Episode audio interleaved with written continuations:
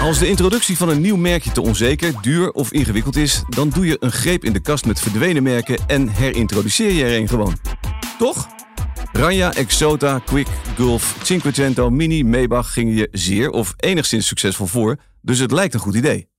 In elk geval kunnen veel ooit stevig gevestigde, maar inmiddels verdwenen merken nog steeds rekenen op een behoorlijke naamsbekendheid.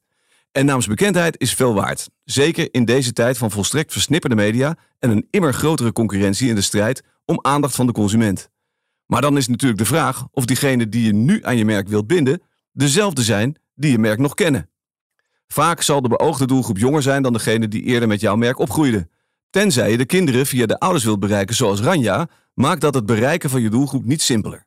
Het eerder aangehaalde versnipperde medialandschap is in elk geval voor een deel zo versnipperd omdat er niet eerder een zo groot onderscheid bestond tussen de media waarmee zeg maar 35 plus wordt bereikt en waarmee 25 min wordt bereikt. In de kruisbestuiving van de nieuwe met de oude doelgroep lijkt de aantrekkingskracht van het revitaliseren van vervlogen merken dan ook niet te zitten. Maar waarin dan wel? Is het nostalgie wat ons drijft? En zo ja, is die overigens zeer krachtige emotie ook krachtig genoeg om een merk een tweede leven te geven? Deze vragen en nog veel meer bespreek ik met Arthur van Rongen, die het verdwenen maar niet vergeten jeansmerk Lois weer op de markt bracht.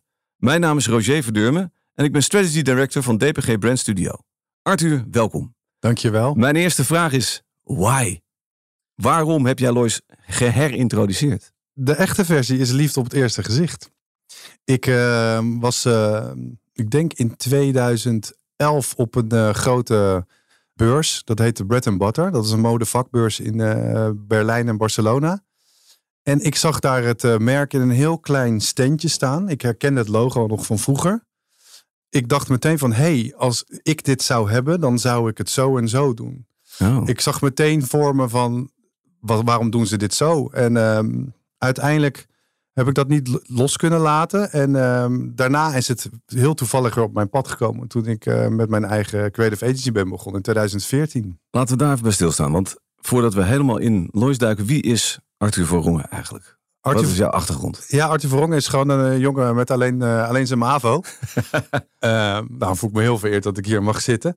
Ik ben uh, eigenlijk altijd actief geweest in de mode. Na meerdere opleidingen te hebben geprobeerd, ben ik begonnen in een, nou, redelijk bekende modewinkel in, in, Leiden.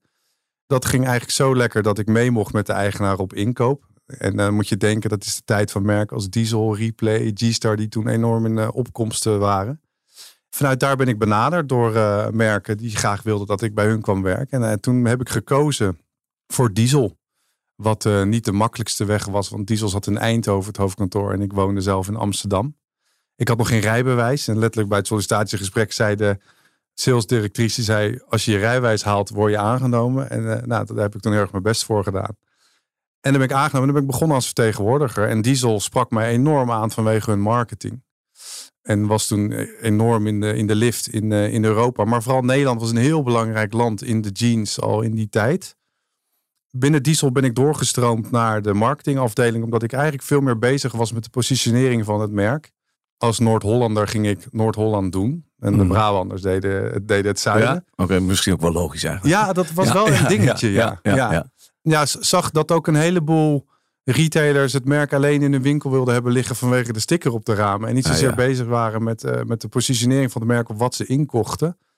Dus ben ik daarnaast eigenlijk op zoek gegaan naar, naar wat meer high-end winkels voor diesel. Omdat die strategie vanuit Italië heel duidelijk was. Ze wilden tussen de Gucci's, Dolce Gabbana's en de Levi's eigenlijk daarin zitten. Want het is een Italiaans merk, hè? Diesel ja, is een Italiaans merk. En toch had jij heel veel invloed op de positionering hier. Nee, je moet het zo zien. Als jij vertegenwoordiger bent, dan heb je je eigen regio. Mhm. Ik geloof net zoals met voetballen, als je, als je een spits bent of een verdediger, je hebt ergens een talent voor. Ik denk mhm. dat ik toen onbewust daar meer mee bezig was dan anderen. waar niet gaat ja. dan. Ja, precies. En uh, toen ben ik allemaal retailers gaan benaderen ja, met veel duurdere merken. En, en, en zo zijn we uiteindelijk wat beter gepositioneerd geraakt in de grote steden. En uh, is de marketingdirecteur naar me toe gegaan. Die heeft toen gezegd, uh, beste Artje, wil je bij mij de marketing gaan doen? Okay in de functie van uh, Product Press Officer. En uh, dat is eigenlijk, moet je eigenlijk zien als PR-manager. En dat, daar ben je begonnen. Toen heb je wel nog een aantal andere stappen gemaakt. Hè? Ja, dus eigenlijk gewoon hele nette stappen. uh, daarna ben ik benaderd door het merk Tommy Hilfiger. En daar ben ik European PR-manager geworden. En voor de denim-lijn, Hilfiger Denim heette dat toen. Dat heet nu weer Tommy Jeans. Daar ging ik ook actiever aan de slag. Wat ook mijn geluk is geweest dat het bedrijf dan ook enorm in de lift zat in, in Europa. Een gigantische groei natuurlijk doorgemaakt. En daar ging ik wat, wat creatiever aan de slag. Dus ging bijvoorbeeld meer fotoshoots produceren. En ook wel bij Tommy heel erg geleerd hoe je op een goede manier geld uit moet geven. En daar dingen uit kan halen vanuit daaruit ben ik weer benaderd door weer een Italiaans merk. Dat heette, de, dat was, dat was een groep, een modegroep. Dat heette de 60 Group. Bekend van merken zoals Miss 60 en Energy. Mm. Maar hadden ook uh, merken zoals Murphy I, wat meer een celmerk was. En daar werd ik Global PR Director. En was mijn eerste klus een fashion show in New York organiseren. Niet slecht voor een eerste klus dan. Nee, en dat was in het Guggenheim, Guggenheim Museum. en ik had me daar eigenlijk een beetje ingebluft, dacht ik. Maar dat was, ja, paar maanden later stond ik eh, letterlijk met celebrities in mijn handen te duwen. Van jij moet hier zitten, jij moet daar staan. Het was, was een enorme uh, gave stap. Maar daar ben ik wel echt, echt heb ik de stap gemaakt dat ik daarna alles aandurfde. Oh, Ik denk dat dat belangrijk is in een carrière. En daarna weer, weer naar Björn Borg. Uh, de, de, werd ik gewoon marketingdirecteur of, of gewoon van de Benelux. En uh, kreeg een gezinnetje en wilde wat minder reizen en wat meer rust. Het zijn wel allemaal merken die heel groot zijn geworden. Heel groot, heel hard zijn gestegen. En sommige ervan zijn toch ook wat. hebben hun glans wel een beetje verloren. Ik heb het idee dat diesel bijvoorbeeld echt niet meer is wat het vroeger ooit was, toch? Nee. Hoe, hoe gaat dat? Hoe nou, komt dit dat? Is, dit is precies wat ik heel vaak tegen eh, mijn team zeg. Is dat mijn, mijn manier van leiding geven aan het merk Lois is ook wel een beetje um, bij fear. Ik ben ook wel bang soms om, om, ja, om ervoor te zorgen dat het merk niet te snel groeit en daarna weer heel snel instort. Dat zie je toch wel heel vaak. En dat heeft vaak te maken met geld of ego's of de grootste te willen zijn. En dat is absoluut niet de ambitie die we hebben bij Lois. Is dat iets wat je wel ziet, hebt gezien in de historie die je vertelt van Tommy en van, van, van Diesel? Nou, ik vergelijk. is dat wat er gebeurd is? Ik, vergelijk het ook vaak met artiesten. Als jij elke dag Jan Smit op televisie ziet, dan, vind het ook wel even lekker als je hem even niet weer ziet. Ik vind ehm, George Michael bijvoorbeeld een van de allerbeste voorbeelden. Uh, als artiesten die je eigenlijk als een merk kan zien. Die begon met Wham. Ja. Die was op het hoogtepunt, stopte die, ging die solo. Daarna wilde hij niet meer met zijn gezicht of met zijn uiterlijke eh, op beeld. En ging daarna ging die uh, donkere muziek maken. Is altijd gegaan om zichzelf te verbeteren. En dat is eigenlijk ook een strategie die ik probeer toe te passen op Lois. Altijd blijven poetsen en zorgen dat je interessant blijft. Maar wel... Ik vond dat zo briljant bij Dave Bowie eigenlijk. Ja. Die heeft het ook gedaan zijn hele leven. Hij heeft natuurlijk wel pieken gekend die boven de rest uitstaken. Maar hij is nooit verdwenen. Nee. Hij is altijd interessant gebleven. Dus het niet om jezelf, om de roem, om het geld te laten gaan. Ik geloof dat George Michael zelfs nog een enorme rechtszaak uh, heeft gehad om, om, het, om, zichzelf te mogen zijn. om zichzelf te mogen klopt, zijn. Klopt. Nou ja, en dat is natuurlijk ook heel belangrijk. En ik heb ook het geluk binnen Lois uh, dat, dat mijn, uh, mijn partner, wat ook de investeerder is, dat hij me daar de vrijheid in geeft. Het gaat ons beiden niet om het geld. Het gaat ons echt om de liefde voor het merk. En dat doen we samen met de familie die het merk is gestart. Laten we even een sprongetje maken. Want hoe ben je precies met Lois in aanraking gekomen? Nou, ik ben toen ik wegging bij Björn Borg ik irriteren is een zwaar woord, maar ik vond de manier waarop reclamebureaus merken behandelden, mm -hmm. grote bureaus, vond ik echt shocking. De bedragen die ze vroegen voor campagnes, laten we zeggen een printcampagne, echt tonnen. En dan keek je naar zo'n breakdown van een budget en dan zaten vier creative directors tussen. Voor alles was iemand en je wist gewoon, ja, dit kan anders. En ik hm. had in die jaren wel redelijk een netwerk opgebouwd. Dus ik durf wel oprecht te zeggen, waar een reclame, groot reclamebureau een campagne deed voor 2,5 ton, kon ik hem voor 80.000 euro doen en dan verdiende ik zelf nog centjes aan ook. Hm. Daarnaast vond ik dat reclamebureaus, ook grote bureaus, er ja, ook wel een gevaar vormden voor het merk dat je je DNA kwijtraakt. Want vaak is het toch elke keer het wiel opnieuw uitvinden om iets spraakmakends te maken, om misschien een prijs te winnen in kan. Of, mhm. Uh, ja, denk je echt dat dat. Uh, nou, ik denk dat dat bijvoorbeeld bij een merk als Diesel wel is gebeurd. Dat het op een gegeven moment alleen maar ging om. Uh, Spraakmakendheid. Ja, maar ook om de campagnes. Een campagne en niet meer om het merk of om de broek. Nee, een campagne is de lijst om je schilderij. Ja. En de lijst moet niet mooier zijn of schreeuwender zijn dan een schilderij. Interessante gedachte. Ja. Dus ik heb gezegd, ik ga mijn eigen creative agency begonnen. Mijn, mijn lieve voormalige baas bij Björn Borg heeft mij toen de ruimte gegeven om daar te starten. En eigenlijk als externe daar aan de slag te gaan. En daarbij kreeg ik uh, hele interessante klanten als V&D, die toen echt op uh, het randje van uh, omvallen stond. maar, maar dan zie je ook waarom. Ja, maar over een andere keer misschien meer. Ja, en, maar toen kwam Lois voorbij, ja, niet? Ja, toen, kwam, ik, kwam ik iemand tegen en die zei... Ehm, ik ken iemand die, die doet Lois. En toen zei ik, nou, dat is leuk, introduceer me. Maar daar ben ik toen voor gevraagd. Daar heb ik een kleine rebranding strategie voor geschreven in een keynoteje. Mhm. Dat was het begin. En dat was, dat was al eerder geprobeerd, toch? Heel vaak. Dus Ja. iedereen was mega enthousiast en positief over jouw keuze om dat te gaan proberen, toch? Nee, absoluut niet. Nee, nee, nee. Ik, Wat, eh, wat, wat, hoe ging dat dan? Want waarom dacht jij van dit kan? Dit, de- waarom was liefde op het eerste gezicht? Nou ja, Dat- ik, ik denk dat, dat, dat, dat marketing ook heel erg te maken heeft met gevoel en passie en Mhm. visie. Als je iets voor je ziet en je kan je daar je gevoel in stoppen, dan kan je dat eh, overbrengen naar mensen. Dat had ik dus, hè, omdat dat Lois voor mij een grote, eh, ja, echt al een liefde was. Op het moment dat ik het, dat ik het zag, had ik een visie en dat kon ik meteen ehm, visualiseren, denk ik. Zo is dat eigenlijk wel, wel, wel gegaan. Eigenlijk, het ging van begin af aan heb ik kunnen doen in de vrijheid zoals ik het voelde dat ik het moest doen. En alleen de mensen om me heen inderdaad, die zeiden allemaal, ja, de jeanswereld is dood. Eh, want toen, dat was Hmm. wel het begin dat inderdaad de grotere merken aan het afbrokkelen waren. Maar goed, ja, daar hebben we een andere strategie op losgelaten, waar je vast iets over gaat vragen. Ja, nou ja, ga maar door. Eh, vertel maar, wat was de strategie? Nou, bijvoorbeeld een, een van de, begin bij het product. Ja. Wat heel veel merken doen en wat in de mode natuurlijk heel, heel bekend is, is dat ze gewoon naar elkaar kijken en dat op de te- tekentafel leggen en dan daar wat verschillen in toepassen en, en zo eh, een product creëren. Nou, dat hebben wij niet gedaan. Wij hebben gekeken, wat was Lois vroeger? En waarom was het zo groot? Waarom zou je dat willen veranderen? Mhm. Dan is het de samenstelling. Dus wij werken nog steeds met de familie in Spanje die het merk is gestart. Dat zijn mijn partners. En die doen alle productie. Dus ons product wordt gemaakt in Spanje door mensen die het letterlijk al 60 jaar, die 60 jaar met het werk, merk werken. Maar het is wel echt verdwenen geweest, toch? Het is toch Het echt is nooit echt- helemaal Ah, verdwenen geweest. Nee. dus in Spanje heeft het altijd een sluimerend bestaan D- gehouden. er is, een, er is een, een soort van aorta geweest vanuit Ah, ja. licenties die het merk in leven heeft gehouden om de familie te voeden, denk Ah, ik wel. ja. En wel goed voeden. ja, en, en, eh, en eh, ja, wereldwijd is groot, hè? Dus Ja, eh, als je nu naar Colombia gaat of naar, naar Azië. Ik was nu net in Bali vorige week. Nou, daar worden nog 3 miljoen stuks verkocht. oké. En hoe zit dat dan? Want jij bent dus deels eigenaar van het merk, toch? Ik ben eigenaar, CEO, maar voornamelijk creative director. Alles eigenlijk wat er eh, gebeurt. En dat is van communicatie tot en met... Nou, we hebben net weer een winkel geopend in Oslo.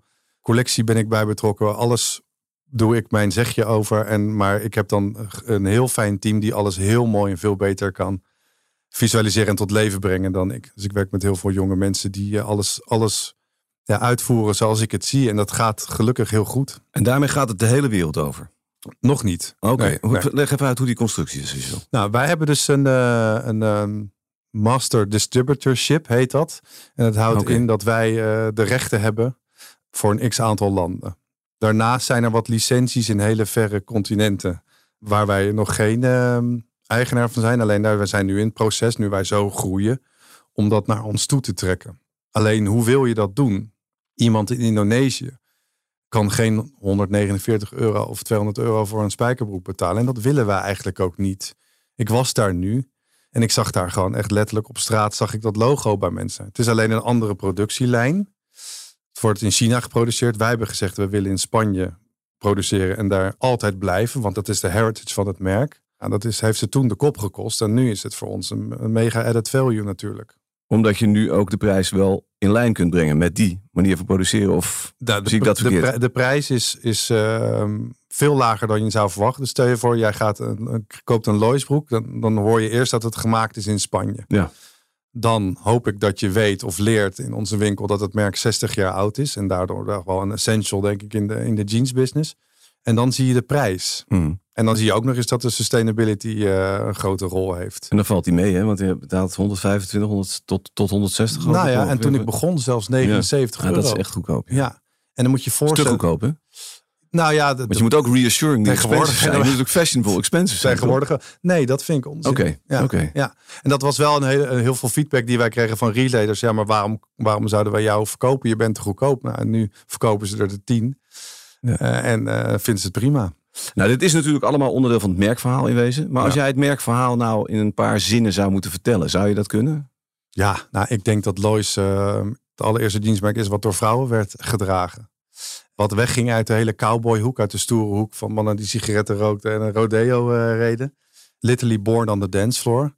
Literally born on the dance floor? Ja, het is na de Franco-tijd ontstaan in Ah, Spanje. Er kwamen cruiseschepen aan met de Amerikanen naar Valencia, waar het vandaan komt. En eh, de twee eh, broers zagen daar de jeans. En die zeiden, hé, hey, dit willen wij ook. Het was een oude kleermakersfamilie uit Spanje. Ze zijn het merk toen begonnen.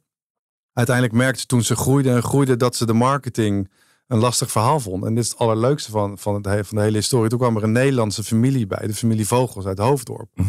Die een reclamebureau had. En die hebben toen gezegd, wij gaan jullie marketing en sales doen. Toen al, Nederlanders die Nederlanders. merken overnamen Ja. bijna. We zitten nu dus in exact dezelfde constructie Bijzonder. als toen. Die hebben het eh Boel-logo ontwikkeld. Dus dat hebben ze letterlijk op een poster De gezien. Spaanse stier, hè? Ja. Ja. Nou, heel grappig verhaal is. Als je het leren patch ziet op de achterzak. Dat hebben de Spanjaarden stiekem gekopieerd van Wrangler. Mhm. Ze hadden de stitching van Levi's. en ze hadden van Lee het kleine gele labeltje, zwart-gele labeltje. Dus dat kon toen allemaal Ja, nog. ja. Nou, daar hebben we inmiddels wel wat eh, aanpassingen in moeten doen om, eh, om het allemaal eh, netjes te houden. Maar toen is die Nederlandse familie erbij gekomen. Die waren extreem goed in marketing. Die zijn begonnen met ABBA bijvoorbeeld. Een Oh, week voordat ja. ze het Songfestival wonnen. Voor 100 gulden een foto gemaakt. In een Lois outfit. Een week later wonnen ze het Je Songfestival. moet ook een beetje geluk hebben. Bam. Dan. Ja. Ja. Ja. Ja. Eerste kledingmerk, dus wat celebrities sponsorde. Daarna zijn ze als eerste kledingmerk festivals gaan sponsoren. Grote sponsor van Pinkpop 1973. Wij zijn laatst benaderd door Pinkpop om samen weer een merchandise lijn te doen voor een eh, anniversary. Een jaar geleden werden we gebeld door de Crown of ze alsjeblieft ons logo mochten gebruiken. Want de zoon van Margaret Thatcher reed in een rally en werd gesponsord in Parijs-Dakar door Lois. Tuurlijk Het, zei ko- ik. het komt wel allemaal weer bij elkaar. Hè? Het is ook een beetje de historie die zich herhaalt bijna. Ja. Hè? Ja, Ja. Fascinerend echt. Ja. Maar kun je ook nog bouwen op de mensen die, die je van toen kent? Eigenlijk? Absoluut. Of die jou van toen kennen? Het zo absoluut. Absoluut. Dat, eh, Want die zijn oud. Laten we eerlijk zijn. Nou, maar niet. Kijk, het is eigenlijk pas in 2000 helemaal uitgestorven. Dus je moet eigenlijk zien. De 90s waren ook nog wel redelijk succesvol voor Lois. Wij denken allemaal aan de 70s en de 80s. Maar Mhm. de 90s waren ook nog wel. nou ja, ook eh, door die flair natuurlijk. door de flairbroek, inderdaad. Ik noem het altijd rugwind. De, de retailers waar wij ons op richten zijn de boutiques. Dus niet op de jeanswinkels waar de jonge mensen kwamen. Maar wij willen graag eh, boutiques met wat betere merken wilden we, wilden we liggen. Dus we gingen niet meteen om heel groot te worden. We hebben ook bijvoorbeeld toen tegen toenmalige Man at Work met 60 winkels gezegd... nee, dat willen we niet. Ah, We willen klein beginnen. En waarom? Want een, een boutique-eigenaresse die weet precies wat ze in de winkel heeft. En die kan het verhaal goed vertellen. Maar dat waren ook de dames die het van vroeger kenden. Ik Ja. hoor dagelijks... Hé, hey, dat was mijn eerste spijkerbroek. Oh, daar moest ik heel erg voor sparen. En op bed liggen, op mijn buik inhouden. En, eh, om, mijn- om, eh, om mijn broek dicht te kunnen. maar even terug naar mijn inleiding. Is, Ja. dat, is dat dan krachtig genoeg, zou ik maar zeggen? Kan dat nog steeds het fundament zijn? Nee, want dat is denk ik de fout die mijn voorgangers maakten. Door Mhm. dat alleen maar daarmee te strooien. En te zeggen, wij zijn dit en daarom zijn we cool. Hetzelfde verhaal was het met Björn Borg toen ik daar werkte. Ja, die jongere mensen boeit het niet wie die tennisspeler was. Zij vonden het maar een Ja. rare man met lang haar. Ja. Die werd bijna niet gebruikt in de communicatie. Nee, het begint met het product. En dan denk ik een stukje esthetiek wat wij eh, in Noord-Europa heel goed eh, in de vingers hebben. En de heritage zijn we eigenlijk pas nu, terwijl ik 7, 8 jaar bezig ben en het merk 60 jaar oud is dit jaar, Mhm. zijn we nu pas actief gaan communiceren. En bijvoorbeeld het gele logo terugbrengen. Toen ik begon heb ik hem zwart-wit gemaakt om gewoon wat rust in de communicatie te brengen. Alles wat strakker te maken. Moet je even iets meer vertellen. Dat is een hele interessante stap, vind ik dat. Want je wil eigenlijk voortborduren op een ooit succesvol merk. Of Ja. je denkt eigenlijk dat te kunnen revitaliseren. Ja. Maar om dat met, met een soort van rust te doen, verander je het. Ja, omdat de voorgangers gebruikten het logo juist en, de, en alle oude beelden en alles juist van oké, maar dit, dit waren wij, dus daarom zijn we nu weer cool of goed. Ah, ja. En wij hebben het eigenlijk gewoon weer wat meer credible proberen te maken. En nu zijn we op een punt dat als ik het oude logo in een beeld van mij van nu plak, dat het op elkaar versterkt. Dat je denkt, jeetje. Ehm, Fantastisch. ja, dus, Ja. dus, dus, dus, het- dus het- je kan ja, wat minder chique dingen cooler maken. Dat, dat, dat, dat is de kracht waar we nu in zitten, vind ik. Ja, ik vind het wel een hele fascinerende strategie. Daar moet je toch ook nog een keer iets over schrijven, denk ik. Ik denk dat je daar een artikel over moet schrijven. Over hoe je juist niet meteen volledig leunt op de oorspronkelijke kracht. Maar eerst eigenlijk weer iets nieuws, iets nieuws neerzet. Ja. En dan zeg maar, we waren er eigenlijk al heel lang Ja. voor je. Ja. Of zo. Iets. Nou, en het is een onderdeel van het merk. En net zoals sustainability. Als je ermee gaat, als je ermee gaat schreeuwen. Ja, Ja. Het, het, is, het, het, het is iets. Kijk, en het brengt ons al veel verder dan andere merken en, en merken die starten. Ik bedoel, ik denk dat iedereen, eh, iedereen zo, ja, alles zou willen voor die heritage. Daarom, wij, wij worden nu bijvoorbeeld redelijk wat gekopieerd. Maar ja, dan zie ik mijn team eh, in paniek schieten en zeg ik, naad ze maar. Want ze zijn geen Lois. Wij hebben die historie. wil het even met je hebben over de advertising. Ja. We noemen het marketing. Je bent een echte marketeer en dat betekent niet per se dat je alleen maar denkt in communicatie. Die fout wordt wel eens gemaakt. Ja. Ik denk dat je heel nadrukkelijk over distributie nadenkt, over het product als eerste. Ja, ja. Er zijn zoveel P's meer dan promotie. Ja. Maar we kunnen er niet omheen. Het is niet helemaal is waar. belangrijk. Het is ook niet helemaal waar wat je zegt. Ik, Oh, ik, ik, denk, ik denk eigenlijk in beeld. Ja, dat weer wel. En dat Dus is communicatie Alles ontstaat vanuit een beeld in mijn hoofd. En zo probeer ik het uit te voeren met de beste mensen die er zijn. Ah, oké. Ja, En vertel dan iets meer over eh, hoe dat beeld daadwerkelijk in reclame tot uitdrukking komt. Of hoe je daarmee omgaat. nou ik denk, ik, ik denk dat ik dat eh, wel heel erg heb geleerd bij de grote merken. En dat het uiteindelijk heeft heel veel te maken met netwerk. Toen ik begon had ik echt letterlijk maar 10, 15 stuks kleding. En moest ik het aanvullen met, eh, met wat t-shirtjes en andere, eh, van, van andere merken om daar complete sets van te maken. Maar we Mhm. schoten wel met de allerbeste fotograaf van Nederland, Mark de Groot, die voor de Vogue schoot. En met een hele goede stylist. En met de allerbeste haar en make-up. En eh, uiteindelijk een heel goed model. En dat, dat regel, kon ik regelen vanwege mijn... maar waar zag ik die beelden? Eh, dit, dat beg- begon toen op Instagram. Oké. En toen was het begrip influencer was toen nog niet heel erg groot zoals het nu is. Maar deden we ook heel veel via de klanten zelf. Eigenlijk altijd heel veel via de wholesale. En ook heel veel via bijvoorbeeld, eh, ja, we deden wat, wat evenementen in Amsterdam met wel wat jonge opinion leaders noem ik ze dan. Oké. Ja. Inspirators noemden we ze. In plaats van in, Influencers nou ja, maar mensen die elkaar inspireren, die je. Ja. inspireren. Ik denk dat dat is ook wel een discussie die we uit kunnen hebben over influencers. Maar, maar, Ja. maar je hebt, mensen, als mensen je inspireren, dan eh, maakt het niet uit hoeveel volgers ze hebben. Dan gaat het vanzelf wel viral. En we hebben heel erg gecommuniceerd via die klanten. Er is één magazine wat je wel hebt ingezet. Dat is V-magazine. Ja, Waarom? nou dat was wel acht jaar later. Oké. Nou, Oh, Oké, ja, ja. je zit nu helemaal in het begin natuurlijk ja, nog. dit is in het begin. Ja, maar nee, hoe, hoe ontwikkelde zich dat de dan? coronacrisis was voor ons een hele fijne periode. Omdat alle grote jongens met duizenden en honderden winkels kregen het heel zwaar. Wij hadden er maar twee. Eén zelfs toen in het begin. En ehm, kregen eigenlijk heel veel ruimte. Omdat onze online enorm aantrok. Omdat mensen mochten niet meer winkelen. Online trok heel erg aan. En we kregen heel veel ruimte om dingen te ondernemen. En toen zijn er heel veel contacten naar ons toegekomen. Want je moet je voorstellen, als jij een fotograaf bent en je vangt 10.000, 20.000 euro per dag. Of je bent een model. En je vangt dat soort bedragen. En in één keer staat alles stil. Maar je hebt wel die uitgaves. Merkten wij dat wij eh, toch wel actief benaderd werden. Omdat eh, toch mensen wel onder de indruk waren van onze stijl. Van joh, wil je niet, niet iets samen doen? Nou, Hmm. toen zijn we bijvoorbeeld begonnen om wat ehm, kleding naar New York te sturen. Naar een bepaalde fotografen. En in één keer eh, ja, schoot zij met een celebrity stiekem op de dakterras. En dan hadden we die beelden. Nou, V-magazine is eigenlijk een beetje hetzelfde ontstaan. Is uit mijn netwerk gekomen. Ben gekoppeld aan eh Stephen Gann. Wat eh, de, de, eigenlijk de eigenaar en de creative director van het blad is. Een man die heel erg well connected is. Heeft mijn broer heeft me daaraan eh, voorgesteld. Hebben we een Skype meeting me- mee gehad. En hebben we gezegd, weet je wat, wij gaan samen een collectie uitbrengen. En we delen de opbrengst. En jullie zorgen voor de fotografen en de celebrities en de styling. En dat het allemaal op het blad komt. En wij doen al het financiële en het product eh, produceren. En daar is een hele mooie samenwerking uitgekomen. En toen kwamen we, net toen de coronacrisis een beetje op zijn eind zat, vorige zomer kwam het blad uit. En dan hadden we acht covers met wereldsterren.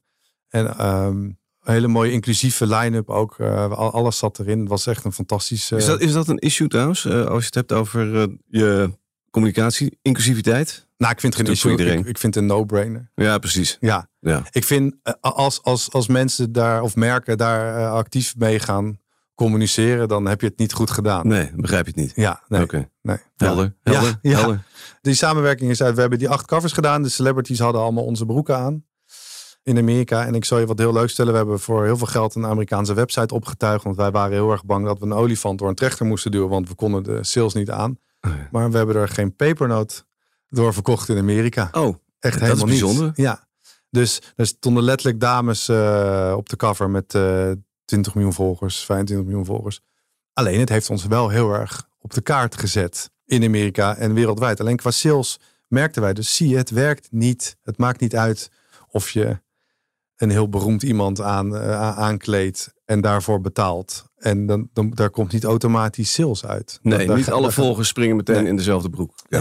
Maar is het, niet, is het niet heel erg gericht geweest ook wel op de fashionista dit? Is dit probeer je hier niet gewoon een avant Dat zie je niet terug in de broeken aantallen. Absoluut. Maar je zit wel aan de juiste billen dan, zou ik Nou, zeggen. met deze publicatie heb ik continu tegen mijn team gezegd: wees ervan bewust wie dit allemaal zien. Precies. En dan heb ik het niet over de massa mensen, maar over de welke mensen dit zien. Want welke mensen staan in dit blad of staan op de kaf of lezen dit blad. En dat heeft ons heel ver gebracht. En die massa komt later wel. Die massa komt later wel, ja. Maar in één keer, ja, sinds dat uh, werken wij met de beste mensen en komen wel de betere klanten naar ons toe. Dus heb ik het echt over winkeliers wereldwijd. En dan konden we in juni uh, onze winkel in Milaan openen. Waar we het nog niet over gehad hebben, in het verlengde van die meer fashionista-achtige early adapter noem ik maar even. Wie, wie is je eigenlijk je doelgroep? Ja, die vraag krijg ik heel wie, vaak. Wie hoop jij dat uiteindelijk allemaal jouw broek dragen? Ik, mijn doelgroep is iemand die zich beter voelt als ze een Lois broek aantrekken. Ik, ik, ik heb ooit een keer een uitspraak gehoord van Jan de Bouvry die heel oppervlakkig klinkt. Maar als je zorgt dat je s ochtends uit bed stapt en je zorgt dat je er heel, dat je er mooi uitziet, dat je er goed lekker verzorgd uitziet, dan begin je je dag al beter.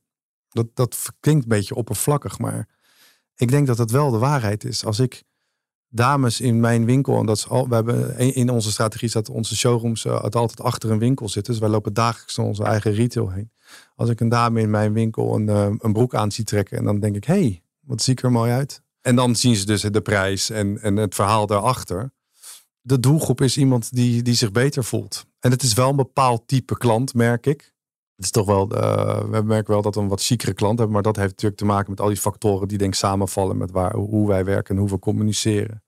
We communiceren, we zitten ja, in een bepaalde... schiet mij door mijn hoofd, wat is chic? Maar dat, dat, is, dat is misschien weer een hele discussie Ja. apart. Maar, maar Nou ja, Ehm, als ik, ik merk dat onze klant is de hoger opgeleide vrouw. mhm.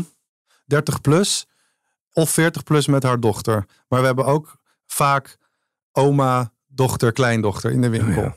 En het is wel een bepaald type klant. Nou, het zit ook heel erg in je distributie, denk ik. Hè? Ja. Als je niet bij de grote outlets zit, bij de grote winkels, Precies. Dan, dan, Ja. dan trek je automatisch een publiek aan wat daarnaar op zoek is. Dan wat 100%. kleinschaliger eigenlijk. ja, ja. Wat is je ambitie nog? Waar, waar gaan we naartoe?